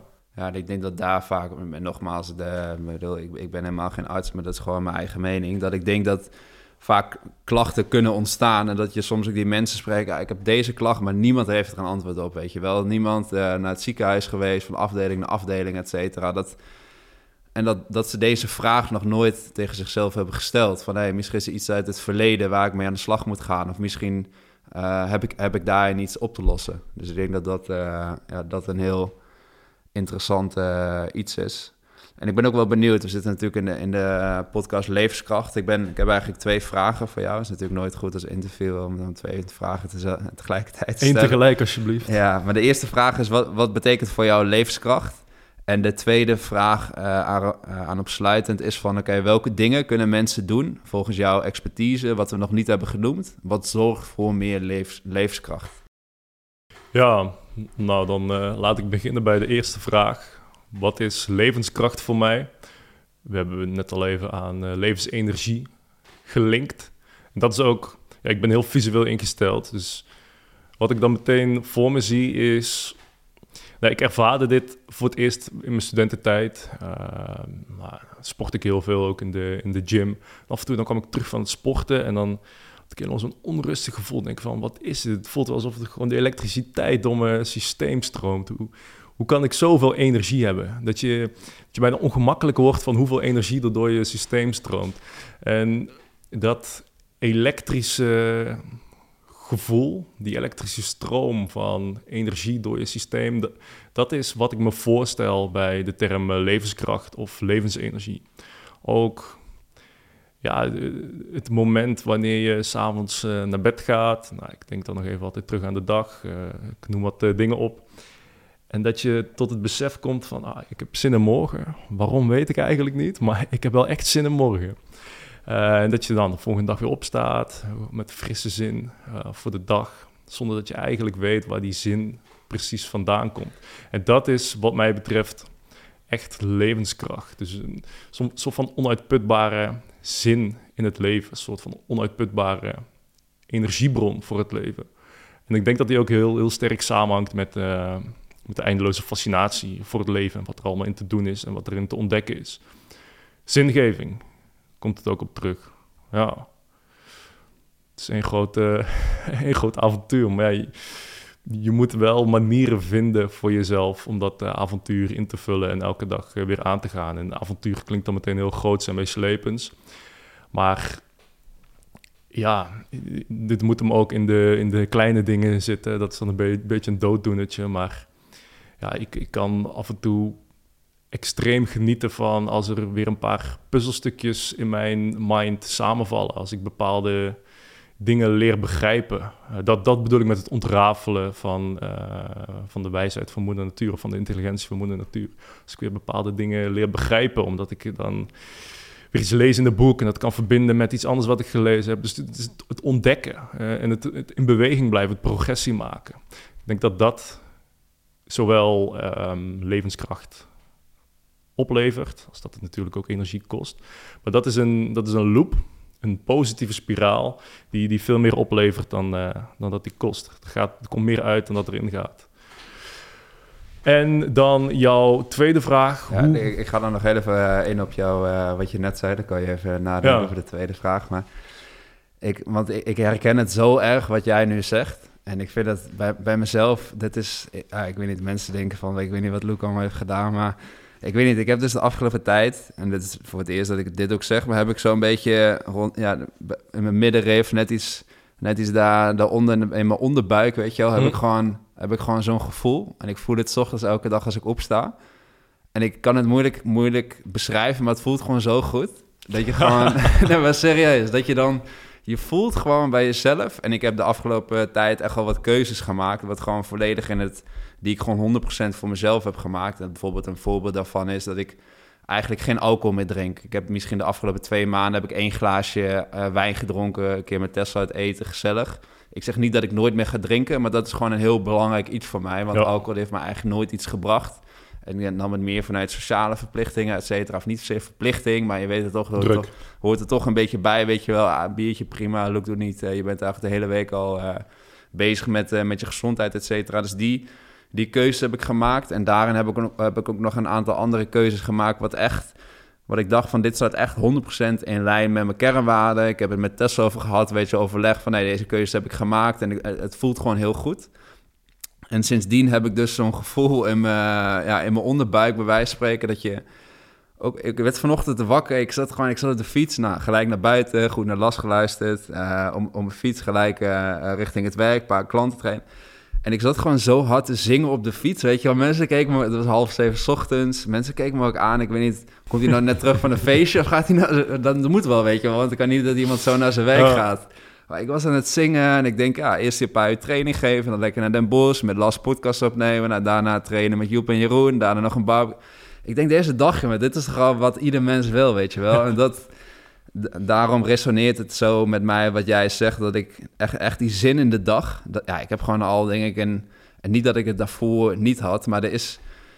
Er is een soort, een, een beetje een transitie of zo. Er is weer een, een, een, een, een deken of zo wat ik van me af heb Ja. gegooid. En dat, dat die zin in de dag en het grappige daarin is... En, en, en daarna laat ik jou Mm. weer de tweede vraag beantwoorden. Maar het grappige daarin is, is dat die keuzes die ik zelf dan heb gemaakt... ehm, die heb ik dus volledig voor mezelf gemaakt... en ook eh, met mijn omgeving eh, besproken, et cetera. Terwijl in mijn hoofd dacht ik dat zij die andere versie van mij veel leuker vonden. Dus ik dacht dat zij dachten van... nou ja, maar die look die biertjes drinken en gezelligheid. En, eh, terwijl ik heb nu echt een aantal keuzes voor mezelf gemaakt... Terwijl nu merk ik dat mensen mij daarin veel leuker vinden. Zo, Oh. die, die nieuwe versie van mij. Terwijl ik had in mijn hoofd, ze willen juist dat ik me aanpas en juist meer met het sociale meega. En ik, ik, ik voel me nu veel beter. Wat ik zei, dat, dat, dat gevoel. En wat ik bij andere mensen me- merk, dat zij mij die versie eigenlijk veel leuker vinden dan mijn oude versie, waarin ik dacht dat zij dat leuker vonden. Snap je Ja, wat ja, ik bedoel? Dat ze Maar dat, dat is een super mooie ontdekking, toch? Precies, dat, dat is, mega. Dat is mega. Er zit, wat, ook jij, wat jij zegt, van daarom vond ik het mooi ontrafel, die intelligentie, maar ook die puzzelstukjes, wat je net zei, dat, dat resoneert super erg bij mij. Want ik heb een, een hele grote puzzel liggen, bij wijze van spreken. En er zijn echt weer een paar, paar puzzelstukjes stukjes op zijn plaats gelegd. En daardoor, ja, da- dan wordt het leven wat, is zo'n mooi iets, weet je wel. En dan gebeuren er opeens ook dingen, ook, ook wat ik, ja, een paar dingen is afgelopen weken voorgevallen dat ik echt denk van, ik weet niet wie dit allemaal voor mij regelt, maar dit is fucking amazing, weet je wel. Ja. Dan kijken ze even naar boven van, oké, thanks man, dat dit ook weer op mijn pad kwam en dat deze klant en dat dit traject ook weer is gestapt met een, met een grote klant en dat bedrijven naar me toe komen, dat ik, ja, dan komen opeens allemaal dingen op je af. Ja. Dat, ja, ik keek echt zo even naar, boven met mijn handen tegen elkaar, weet je wel. Ik weet niet wie dit regelt, maar thanks, weet je wel. Dit, dit voelt goed. Ja, en dat is dan weer die eh, natuur die alle antwoorden heeft en die jou blijkbaar hints geeft dat je op het goede pad zit. Dat is die synchronicity en ik, ik geloof daar ook al heilig in. Ik ervaar dat ook, ja, gelukkig in steeds grotere mate, dat zodra je overgeeft aan... Het is niet iets wat je kan beredeneren, het is iets wat je echt eh, moet voelen. En hoe nauwkeuriger je op dat pad komt te lopen, hoe meer je van dit soort, nou, meestal subtiele, maar soms ook hele duidelijke hints krijgt, dat je daadwerkelijk op het goede pad zit. En misschien is dat wel de kunst van het leven. Misschien dat ik nou een hele grote term gebruik. Ik ben eh, pas 25 jaar, dus ik weet niet of ik kan spreken over de kunst van het leven. Maar dat is wel echt, ja, dat is iets super fundamenteels. En om nog even terug te komen op jouw besluit om minder alcohol te gaan drinken. Ik eh, zit nou ook in die periode al een tijdje dat ik echt denk van ja, ik zie het nut er gewoon niet meer van in. Of ik haal er gewoon niet meer, meer uit dan eh, dat het me kost. En dat heeft 100% te maken met de mate waarin ik in staat ben om die levenskracht te ervaren. En jij, jij geeft dan mooi dat voorbeeld van hier, die, die energie die je letterlijk voelt borrelen. En ik merk enorm dat zodra ik alcohol ga drinken, ook al is het maar één glaasje, of ik eh, blijf lang hangen op een feestje waardoor ik laat naar bed ga, of ik doe dingen waar ik in eerste instantie een beetje tegenop zie, die me dus veel meer energie kosten dan dat ze me opleveren, dat dat enorm ten koste gaat van het vermogen ehm, waarmee ik in staat ben om die levenskracht te ervaren. En het ervaren van die levenskracht, dat is mij zo dierbaar geworden, dat het steeds makkelijker wordt om de keuzes te maken die me juist bij de levenskracht houden. Dus niet zuipen, uh, niet naar feestjes gaan waar je eigenlijk helemaal geen zin in hebt, uh, niet met mensen omgaan waar je eigenlijk helemaal geen zin in hebt. En dit haakt meteen ook al in op jouw tweede vraag. Maar dan kom ik nog heel, wil ik nog heel even, oh, één, ding, ja, wil ik nog heel even één ding zeggen. Want bijvoorbeeld, nu denken mensen, oh Luke, die zit dan echt een saai dodo, zit een beetje boeken te lezen thuis en dat soort dingen. Maar dat is het dus niet. Want ik ga morgen ga ik dus naar, naar een festival in Nijmegen met hm. vrienden, et cetera. Wat ik eerder ook wel deed. Maar dan was ik daar op een hele andere, met een hele andere soort mindset of zo. En nu denk ik, het is lekker weer. Ik ga lekker naar, uh, lekker naar een buitenfestival met vrienden. Vanavond barbecue, et cetera. Maar daarbinnen heb ik dus wel mijn eigen kaders gesteld. Waar, waar, ik goed op ga, waar ik die levenskracht van ervaar. En het is niet dat ik, want ik, ja, ik vind het, ik, ik hou van muziek, ik vind het lekker om te dansen, ik ga lekker naar een feestje. Maar dat doe ik dus allemaal gewoon nog, weet je wel. Maar ik weet, ik ga morgen naar het feestje. Gezellige dag met mijn beste maten, ga ik daarheen, leuk, dansen, et cetera. Maar ja, de volgende dag is het, ben, kom ik ook weer gewoon, word ik wakker. Yes, we zijn in de dag, weet je wel. Maandag word ik wakker. Yes, we zijn in de week. En bij wijze van spreken eerder werd ik dan wakker en dan was ik gewoon nog drie dagen aan het bijkomen van het weekend. Maar voor mij is het dus zo, ik doe nog wel steeds al die dingen, maar op een andere manier. En waar ik dus dacht van, oh, mensen vinden Luke saai, et cetera. Maar nee, die mensen vinden, die accepteren me veel meer, omdat ik, ik weet niet, dat je dan ook uitstraalt dat je daarin voor jezelf kan kiezen of zo. Dat je eerlijk bent tegen jezelf. En misschien gebruik ik nu dan even alcohol als metafoor, maar alcohol is dan voor mij ook een metafoor wat mij steeds verder van mezelf afbrengt. Terwijl ik wil, me ik wil eigenlijk mezelf beter leren kennen. Ja. Ik wil weten wie ik ben. Ik wil weten wat ik belangrijk vind. Terwijl als ik alcohol drink, en niet dat ik vaak alcohol dronk, maar dat brengt me eigenlijk steeds verder af van wie ik ben en wie ik wil zijn. Ja. Dus dat was voor mij echt een trigger van, why, weet je wel, waarom doe ik dit eigenlijk? Ja, ik, hoe ik het altijd omschrijf is dat alcohol me verjaagt uit mijn eigen lichaam. En hoe meer je thuis komt in dat eigen lichaam, hoe ja, meer dat te verjagen is ook. Dus hoe groter die prijs wordt voor het drinken van alcohol. En zo is het ook met andere dingen die je uit je lichaam verjagen. Het is niet alleen alcohol, maar daarmee merk ik het inderdaad ook het, uh, het sterkst. Ja. Um, ik wil nog met iets op inhaken, maar dat ben ik uh, even kwijt. Je mag naar de tweede vraag, hoor. ik heb niks meer te zeggen. Dus, dat, ja. Uh... dus hoe mensen ervoor kunnen zorgen dat ze zelf meer leven. Oh ja, ik weet al wat ik wilde zeggen. Want jij ging nog in op die vrienden waarvan je dacht, uh, ja, die vinden het leuk als ik gewoon lekker uh, meezuip, meefeest, mee, uh, mee van God losga. Maar jij kwam erachter dat ze het eigenlijk nog veel leuker vond als jij gewoon je eigen ding deed en de dingen deed waar, waar jij zelf achter stond.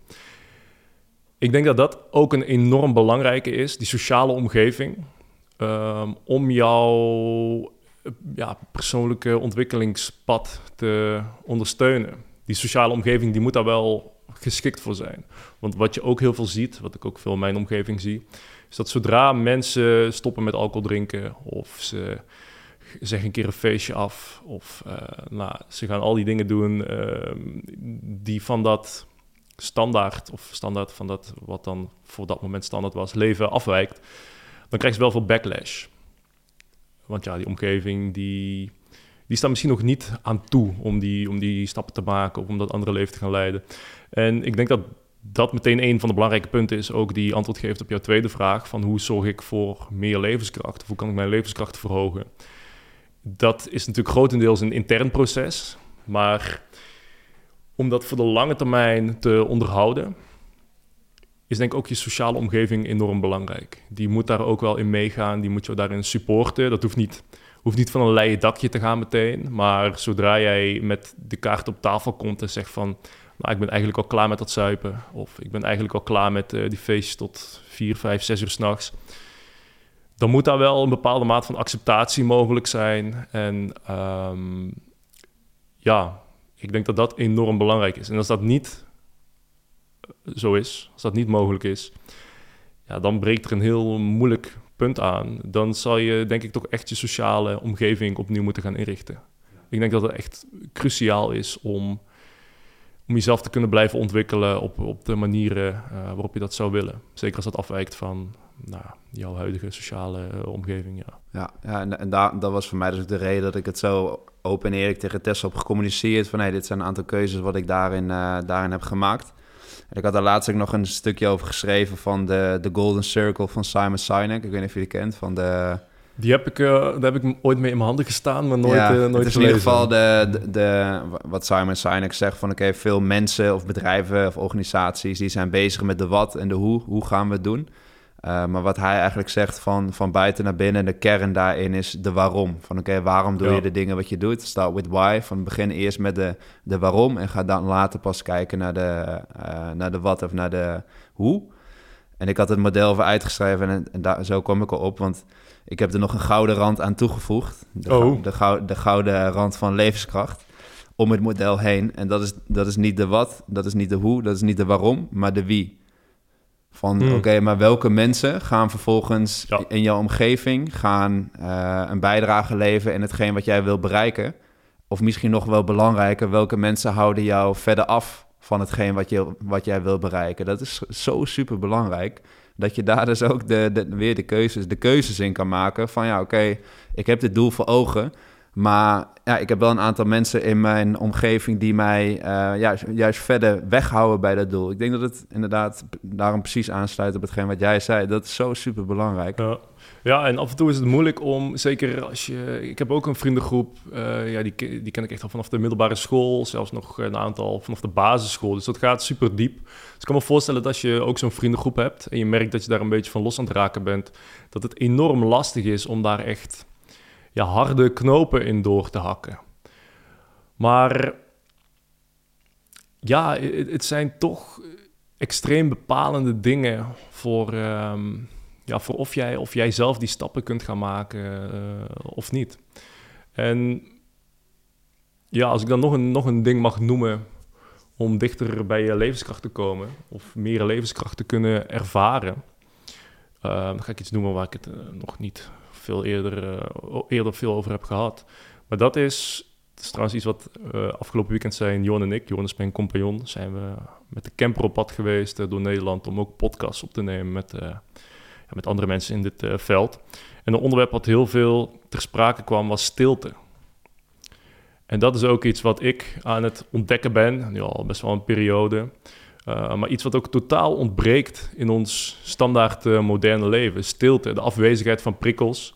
Uh, het liefst in de vorm van meditatie.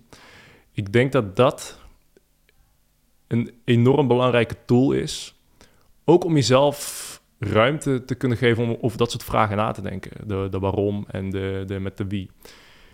Ik denk dat nou ja, bijna iedereen op een, in een dagelijkse rush zit, in een dagelijkse sleur zit, waarin er constante input is.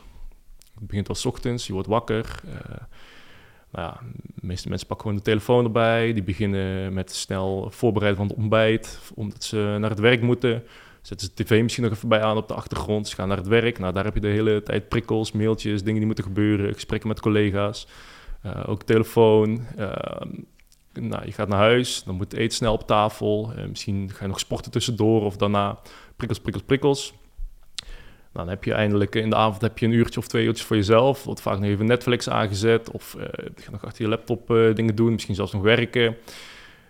Er, er zijn zo weinig momenten waarin er afwezigheid is van input. En nou, als ik vanuit mezelf spreek, wat, waar dit bij mij voor heeft gezorgd, is dat je enorm in je hoofd gaat zitten. En dat stilte haast iets ongemakkelijks wordt. Dus zodra je dan wel een keer uh, in een, een uh, situatie bent waar er stilte is, waar er geen prikkels zijn, zoals uh, nou, je zit een keer een uur in de trein en nou ja, kan naar het raam, eh, door het raam naar buiten kijken, maar nou, de meeste mensen zitten gewoon op een telefoon. Of die hebben muziek in, of lezen een boek. Zelfs dat is input. Naarmate je daar aan gewend raakt, misschien zelfs verslaafd aan raakt, wordt die confrontatie met die stilte super ongemakkelijk. Dat betekent dus dat je mind constant bezet is. Uh, en eigenlijk constant bezig is met het verwerken van prikkels, van informatie. Eh, kom je dan een keer wel in die stilte, grote kans dat jouw mind zelf dingen begint te produceren. Dingen begint te herkouwen die je hebt meegemaakt. Uh, je denkt terug aan het gesprek wat je hebt gehad met je partner, wat misschien niet zo florissant eindigde. Uh, misschien is het zelfs zo, zo dat je over dingen gaat nadenken die totaal niet relevant zijn. Je begint scenario's te simuleren. Nou, dat is iets wat, uh, waar ik mezelf dus ongelooflijk veel betrap. Die mind is altijd bezet, die is altijd bezig, die is altijd aan het produceren, analyseren, aan het verwerken. Terwijl als je daar controle over krijgt, over die ja, stem in je hoofd, het malen van de hoofd, het aanstaan van die mind, en je kan die mind uit gaan zetten, nou, dan ervaar je ten eerste voor het eerst echte rust. Nou, dat is rustgevend tot een diepste vezel van je systeem. Maar ten tweede uh, kan je die mind ook gaan openzetten voor alternatieve input of alternatieve processen, zoals zelfreflectie. En ik denk dat dat een enorm belangrijke stap is. Uh, enerzijds om jezelf vragen te gaan stellen van waarom doe ik de dingen die ik doe? Uh, ben ik met de personen met wie ik wil zijn? Um, ja, alignen die mooi met de, de dingen waarin ik geïnteresseerd ben. Waarin ben ik geïnteresseerd? Je hebt echt stilte nodig in je mind om die vragen goed te kunnen overdenken en om die vragen ja, diep te kunnen doorvoelen. Um, ja, dat met name. En ik denk dat dat uh, enorm veel ontbreekt en dat, dat dat iets is wat we massaal verleerd zijn. Dus ruimte creëren in die mind, die mind uitzetten, waardoor je aan processen toekomt die totaal naar de achtergrond verschuiven. Ja, waar, waar, waar, ik zelf de laatste weken wel veel mee bezig ben, is de vraag van welke dingen ga ik loslaten, wat mij uiteindelijk die, uh, dichter bij mijn echte zelf uh, uh, zorgt dat ik dichter bij mijn eigen zelf kom. Dus wat ga ik loslaten, zodat ik dichter bij mijn eigen zelf kom. En wat ik daar meer mee bedoel, zijn bepaalde overtuigingen. Ehm, van, en hoe, hoe kan ik daarover nadenken? Dat gebeurt alleen in stilte. Ja, exact. Je moet een reflectiemoment hebben om te kunnen bepalen um, wie ben ik en is hetgene wat ik doe, beweegt mij dat dichter richting wie ik ben? Of hou mij dat vast in een soort van uh, tussen, tussenstaat? Ja. Dus ja, dan komen we weer terug op reflectie. Je moet reflecteren, maar je moet ook ruimte inbouwen, uh, zowel fysiek als mentaal, om die reflectie uh, te gaan doen. Ja. En de, dat is het fundament van uh, dat pad van persoonlijke ontwikkeling. Op welk vlak dan ook. Gezondheid, uh, emotioneel, ja. sociaal, noem maar op. Ik weet, nu, nu schiet me weten te binnen, ook af, mhm. wat me afgelopen week is gebeurd. Maar Tessel, dus die was drie weken naar Colombia voor werk. En uh, ik vond het dus eigenlijk best wel chill dat, dat zij er niet was, weet je mhm. wel. En ik had wat dingen te doen qua een opleiding wat ik doe. En ik was wel zo druk met de afronding van de studie. Ik begeleid een aantal afstudeerders en uh, et cetera. En dus, nou, ik vond het eigenlijk best wel chill dat ze er niet was. En terwijl nu is ze dus weer terug, gisteren teruggekomen, super gezellig, helemaal fijn dat ze er weer is. Maar ik had dus in mijn hoofd van ja, shit, ik vind het eigenlijk best wel chill dat, dat ik even gewoon helemaal alleen was. En dat had niks met haar te maken, het had gewoon meer met mezelf te maken dat ik het chill vond om alleen te zijn. Ja, moet ik dit nou zeggen? En uh, ik zeg ja, ik zeg schat, uh, ja, ik vond het dus eigenlijk best wel chill om alleen te zijn. En als we later met kinderen en als we ouder zijn, et cetera. Ik zeg, je moet er niet raar van opkijken. Als ik dan even zeg, ik ga even een weekje hutje op de hei zitten of de omme, et cetera. Want ik vind het gewoon heerlijk om alleen te zijn. Nou, dus ik maakte hem al klaar voor de alle weerstand, weet je wel. Mm. Nou, kom maar op. Ja, is toch helemaal goed? Ja. Dan moet je dan nog doen, weet je wel. Terwijl dit was echt weer zo'n voorbeeld van mij... dat ik in mijn hoofd had van... ja, dat vindt ze helemaal niks... en we moeten tijd samen doorbrengen, et cetera. En haar reactie was dus van... ja, maar is toch heel gezond? Ja. als jij dat wil, dan heb je gewoon die vrijheid. Dat moet je lekker doen, weet je wel.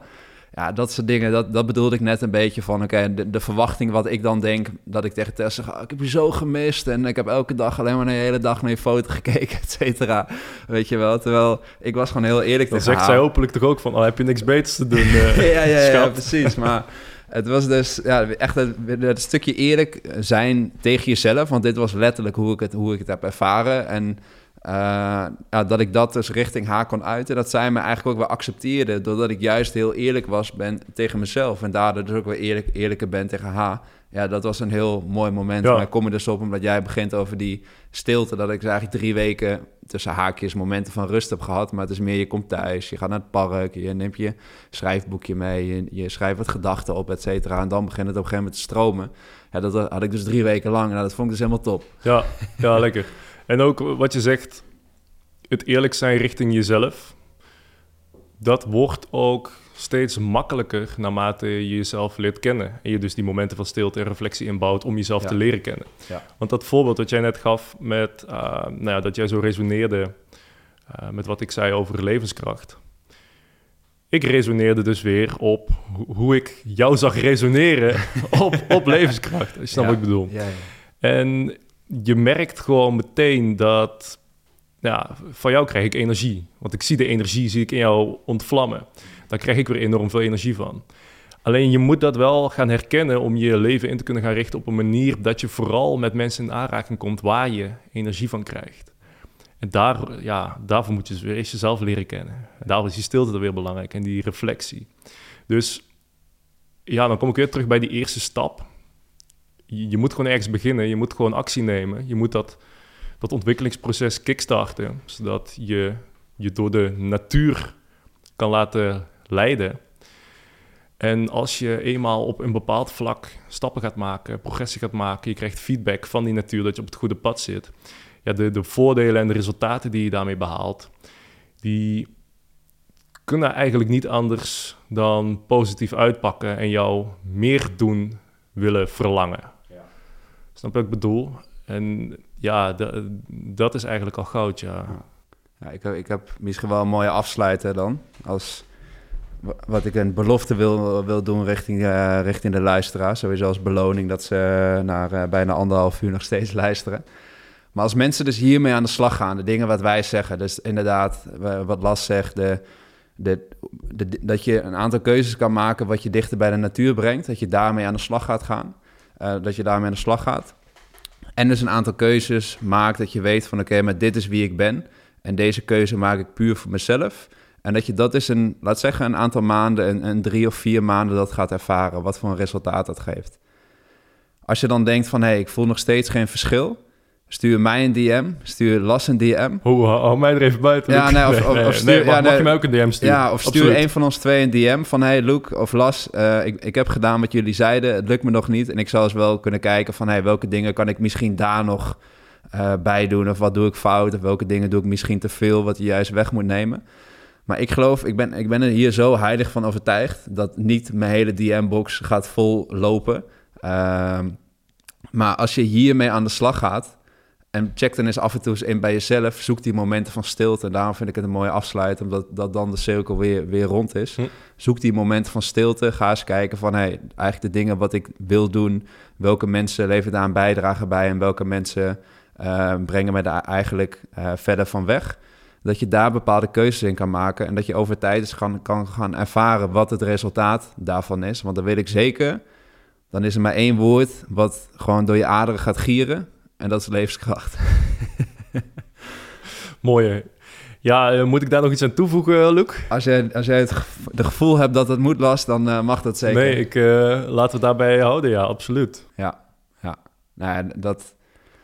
Ja, en ik vond het heel mooi. Ik vond het een heel mooi gesprek, omdat, omdat en sorry dat ik je af en toe een paar keer onderbrak, maar om- omdat het dan echt het puntje van mijn tong ligt. En inderdaad, wat jij zegt, dan zit ik echt hier op, op de puntje van mijn stoel, weet je wel. Dan zit ik hier vol energie, maar dit last, dit, wat je nu zegt, zo, zo voel ik het precies, weet je wel. Ja. En dat vind ik dan, eh, dat vind ik dan heel vet. En ook als je, wat ik zei over die Golden Circle en, en de wie, dat is ook, bedoel, we ontmoeten elkaar voor het eerst vandaag, maar dat je dan ook merkt van, hey, vet om die mensen Ja. om je heen te hebben die dan inderdaad met hetzelfde eh, eh, bezig zijn en ook datzelfde voelen. En daarom is ik een beetje mijn oproep, omdat het, ja, mij lijkt het gewoon heel gaaf om dit richting iedereen te kunnen spreiden. En dat, dat is misschien een, een, een, een, een groot doel. Maar in ieder geval voor de mensen die nu, nu luisteren, ja, probeer daar zelf, of ga daar zelf mee aan de slag. En, en ga ervaren wat over tijd het resultaat eh, gaat Ja. zijn. Ja, dat is een groot doel, maar ik denk juist omdat je zo'n 1 plus 1 is 3 situatie bereikt. Kijk, ik praat over levenskracht, jij krijgt er energie van. Eh, ik zie dat jij energie krijgt, krijg ik er energie van. Het is vrije energie. Ja. Eh, dat is natuurlijk ook een heel interessant topic, andere podcast misschien. Maar ja, dat, dat is dus gewoon mogelijk op het moment dat jij eh, het pad gaat lopen waarvoor je bestemd bent. En Ja. op die cues van, van de moederse natuur en de, de, jouw natuurlijke omgeving gaat letten. Ja. Dus ja, dat lijkt me ook een super mooi iets om na te streven. En eh, nou ja, daar hebben we dus een aantal tools voor besproken om dat te gaan doen. Het is tijd om weer zonnetraining te doen. We moeten weer Ja. naar buiten, uh, Lars. De zon die- schijnt. We hebben veel te lang binnen gezeten. Dus, Ik zie eh, die zon branden achter jou. ja. Hij roept me. Ja, ja, ja, ja. ja. Hey, superleuk. Eh last van de Nieuwe Hof. Dus je Instagram. Ja. Andere dingen. Wat, eh, je zijn eigen podcast. Hoe, is dat die Iki Guides? Ja, dat is eh, de Ikigaits podcast. Dat is dus eh, het platform wat ik samen met mijn eh, compagnon heb. Eh Ikigaits hebben ook een Instagram, daar posten we ook al die eh, podcasts op. En ja, dat is eigenlijk wel de beste manier om mij te vinden, eh, meer over mij te weten te komen. Gewoon via Instagram, eh, Lars van de Nieuwenhof. Ja. Ja, Top. En stuur dus een, ons een DM als je denkt... Of als je denkt, hey, wat, dit was echt fucking vet en het ging heel goed. Of dat je... Laat ons eh, daarin wat weten. Maar dat... ik, ik ben er heel benieuwd naar, naar die, naar die resultaten. En nogmaals, ook de dingen wat je nu vandaag hebt benoemd voor die piramide. Ik, ik had ook een jaar geleden, als je tegen mij dat soort dingen had gezegd, had ik echt gedacht, maar dit zijn echt de, de dingen wat boven in de piramide staat. De eerste Hmm. trainen en gezond. Maar dit is gewoon echt de basis. Dit zijn echt basisdingen waar, waar iedereen mee aan de slag moet gaan. En als je hier een tijdje mee aan de slag bent gegaan, ja, dan, dan ga je echt het resultaat daarin, eh, daarin ervaren. En dat is wat ik eerder zei, dat is meer levenskracht. Dus dat eh, is heel Ja. mooi. Dank voor je tijd, eh, Las. ja jij bedankt voor de uitnodiging, jongen. Ja. Was, was leuk. Graag gedaan. Ja, dat was hem weer, lieve mensen. Ik hoop dat je hebt genoten. Laat even weten wat je ervan vond. En dan spreken wij elkaar snel weer. Maak er een mooie dag van en tot de volgende.